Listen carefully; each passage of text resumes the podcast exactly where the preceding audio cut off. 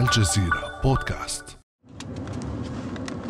بعد 200 متر قم بالدوران إلى الخلف. اتخذ المخرج هاي الأول. صيدلية آم، أها. هاي على شمال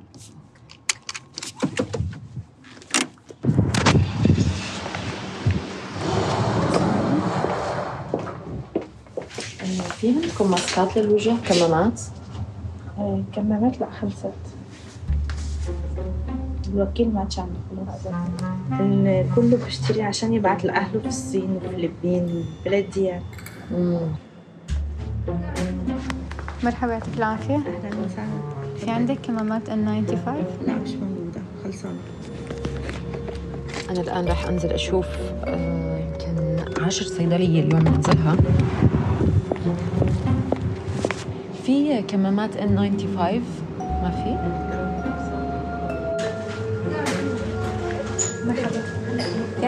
كمامات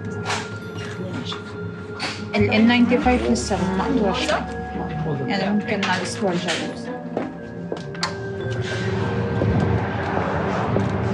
يبدو إنه في أزمة كمامات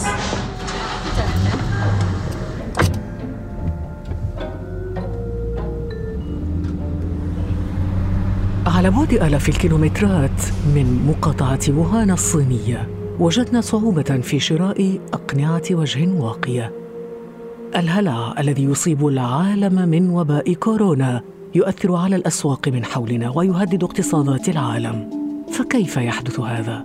ولماذا تتأثر القطاعات والصناعات بسبب فيروس واحد؟ بعد أمس من الجزيرة بودكاست أنا خديجة بن جنة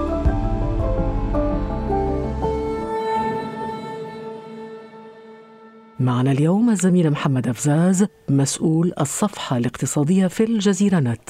محمد كنا دايما نقول أنه إذا عطست أمريكا أصيب العالم بالحمى. اليوم المعادلة انقلبت. يبدو أنه إذا مرضت الصين أو أصيبت بالأوبئة تأثر العالم كله.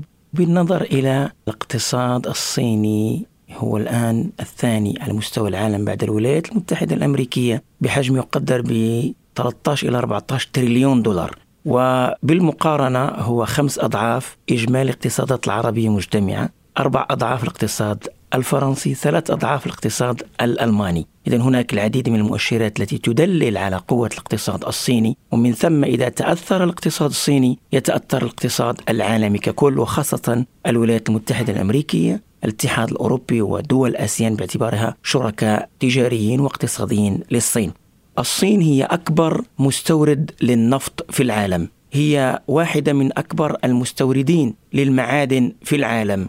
الصين أيضا تعتبر أكبر سوق لصناعة السيارات في العالم، هي في الحقيقة إن لم تكن الثانية في العالم في عدد من القطاعات فهي الأولى على مستوى الاستهلاك، نتحدث عن سوق تقول هي استهلاك- العالم. تماما. هي العالم بالضبط. هي العالم والعالم الآخر جزء ثاني لأنه حجم السوق الصيني يقدر ب 1.2 مليار نسمة. إذا كل الشركات على مستوى العالم تتطلع أن تدخل إلى الصين للاستفادة من هذه السوق وأيضا إلى التطور الذي حصل بالنسبة للمستهلك الصيني الذي ارتفعت قدرته الشرائية ونصيبه الفردي ولم يكن الأمر مثل ما كان في السابق. إذا محمد ينتفض الاقتصاد الصيني والعالمي متأثرا اليوم بهذا الفيروس الفتاك. ودعني أقول لك في الحقيقة محمد أنه هذا يذكرني بما حدث في العام 2003 ومن منا لا يتذكر وباء سارس.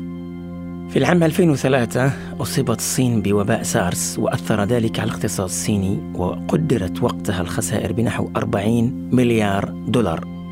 لكن الاقتصاد الصيني وقتها لم يكن بالحجم الذي عليه الآن. وقتها الاقتصاد الصيني كان يقدر ب 1.6 تريليون دولار أما الآن فيقدر بنحو 13 إلى 14 تريليون دولار. لماذا؟ لأن الاقتصاد الصيني كان ينمو سنويا بمعدل يتراوح ما بين 8 إلى 10% عندما نتحدث عن 10% نتحدث عن زيادات قد تفوق تريليون دولار كل سنة.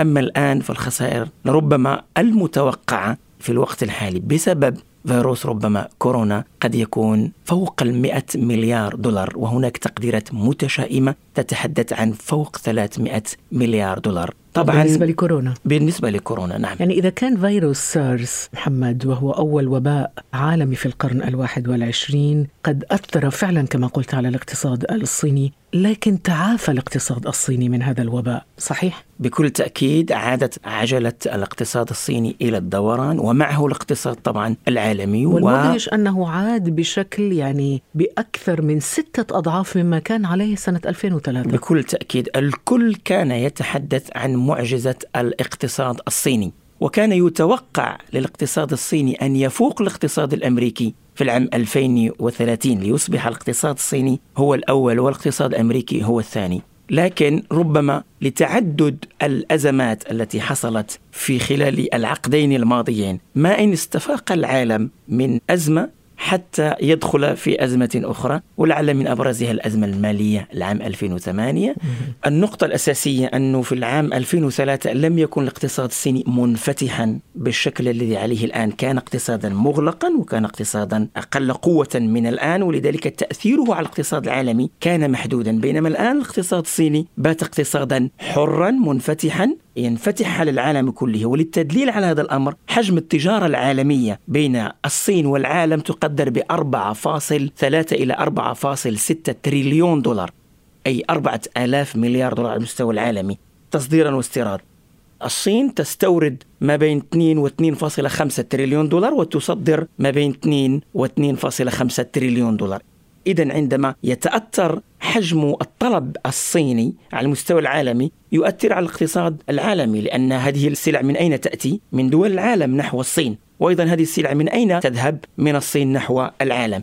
لكن لافت محمد أنه بعد السارس تعافى الاقتصاد الصيني بأكثر من ستة أضعاف مما كان عليه سنة 2003 وبالتالي تحسن معه أيضا الناتج المحلي الإجمالي وتجاوز اليوم 12 تريليون دولار. وهذا يعني أنه الخسائر تزداد مع الأزمات. بكل تأكيد كلما تضخم الاقتصاد الصيني أو أي اقتصاد على مستوى العالم هذا العامل الأول. العامل الثاني كلما أصبح هذا الاقتصاد منفتحا على العالم أي اقتصاد معولم حر كلما أثر ذلك على باقي الاقتصادات على المستوى العالمي. الصين كما قلنا قوة اقتصادية ضخمة سوق استهلاكية ضخمة وأيضا سوق تضخ قطاع غيار تضخ سياحة تضخ مليارات الدولارات على مستوى الاقتصاد العالمي. إذا كلما تمددت أزمة وباء كورونا كلما كان لذلك آثار اقتصادية ضخمة. ولذلك تجد الآن ليس فقط الصين وإنما العالم كله تداعى من أجل أن يواجه وباء كورونا. بلغة الأرقام إذا كان في الولايات المتحدة الأمريكية في خلال سنة توفي 12 ألف نسمة بسبب فيروس شتاء إذا ما قرن هذا الرقم بحوالي 800 إلى 820 وفاة حتى الآن فيروس كورونا لوجه المقارنة. آلاف مقابل أقل من ألف. ولكن خطورة الوباء هو الهلع الذي يصيب الناس. هو الهلع, الهلع الذي يصيب رأس المال. ربما تماما. إعلاميا. إعلاميا ربما. ولكن العامل الحاسم والهلع الذي يصيب الأسواق. هو الانقطاع الذي يحصل على مستوى سلسلة التوريد. هو الهلع الذي يصيب المستثمرين على مستوى أسواق المال. ونحن نعرف أن هناك قاعدة كبيرة جدا في الاقتصاد بشكل عام أن رأس المال جبان يفر من الأزمات ويفر أيضا من الأوبئة والكوارث. ايا كان حجم الخسائر الأكيد أن صناعات وقطاعات كثيرة تضررت بشدة على سبيل المثال قطاع الطيران يوما بعد يوم نسمع عن إعلان شركات الطيران تعليق أو تقليص رحلاتها الجوية. علقت الخطوط الجوية السعودية رحلاتها إلى مدينة غوانزو الصينية مشيرة إلى أن تنفيذ القرار يبدأ من مساء اليوم. حيث تم تعليق رحلات مصر للطيران إلى الصين لمواجهة فيروس كورونا وذلك في ضوء توجيهات وزارة الطيران المدني وبالتنسيق مع كافة الجهات. نسمع أيضا عن دول أغلقت حدودها مع العملاق الآسيوي. روسيا ونيبال وكوريا الشمالية أغلقت حدودها مع الصين تماما وحظرت جميع الدول السفر إلى الصين وعلقت بلدان كثيرة منح تأشيرات للصينيين. منغوليا إغلاق الحدود البرية مع الصين وكذلك إغلاق المدارس والجامعات ومنشآت عامة أخرى حتى الثاني من مارس المقبل فضلا عن إلغاء المباريات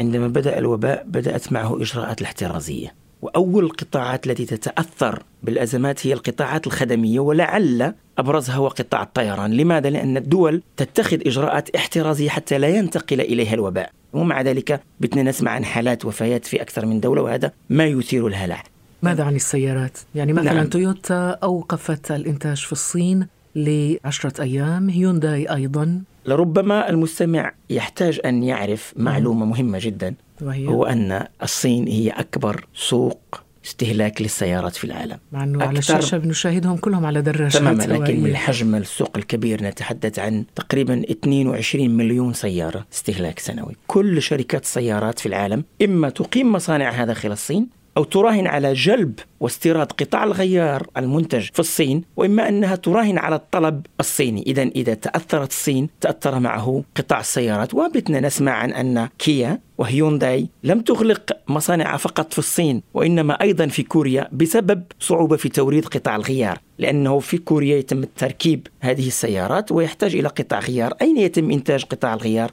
في الصين؟ كما قلنا الصين عالم والعالم الآخر هو عالم ثاني. عالم.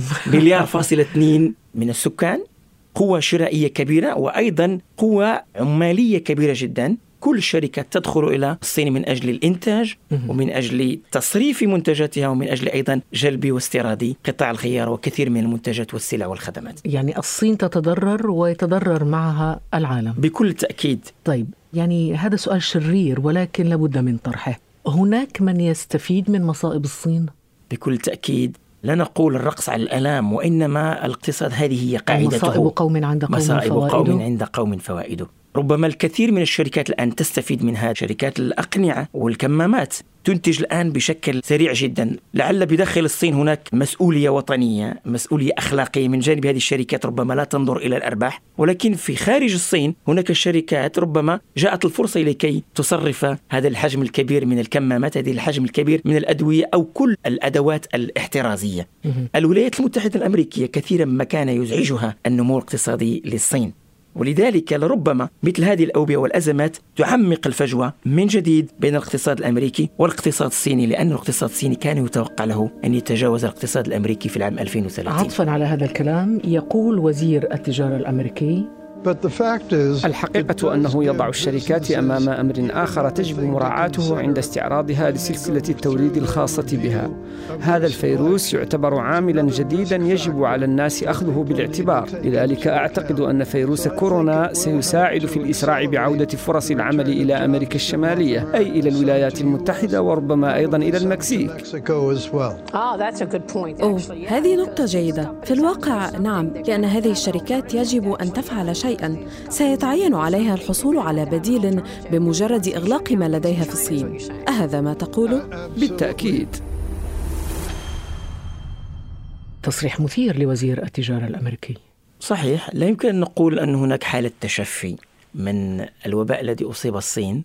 ولكن كثيرا ما كانت الولايات المتحدة الأمريكية في صراع مع الاقتصاد ومع الصين. آخرها الحرب التجارية التي أطلق شرارتها ترامب من أجل أن يقلص فجوة العجز التجاري بين الولايات المتحدة الأمريكية والصين. دائما ما كانت الصين أقوى تجاريا في الفائض التجاري على الولايات المتحدة الأمريكية. لربما في العقلية الأمريكية هي فرصة أن تعود أمريكا من جديد إلى أن تستقوي على العالم وتستقوي على الصين. لماذا الصين؟ لأن الصين عدا عن أنها اقتصاد قوي هي أيضا ذات فلسفة وثقافة مختلفة عن الثقافة الليبرالية الأمريكية ثقافة الكوي بوي بالنسبة للصين هي ثقافة أخرى اجتماعية اشتراكية. قوة الاقتصاد الصيني يدعم هذه الثقافة ويدعم تصريف الثقافة الصينية نحو العالم. وإذا تركت الولايات المتحدة الأمريكية الصين تخترق الثقافة الأمريكية فسيغير ذلك من وجه العالم. ليس فقط اقتصادي وإنما أيضا ثقافي محمد أفزاز شكرا جزيلا لك على هذه الإضاءة المفيدة على تأثيرات وباء كورونا على الاقتصاد العالمي. الشكر موصول لك أستاذة وللمستمعين الكرام. شكرا لك. كان هذا بعد أمس.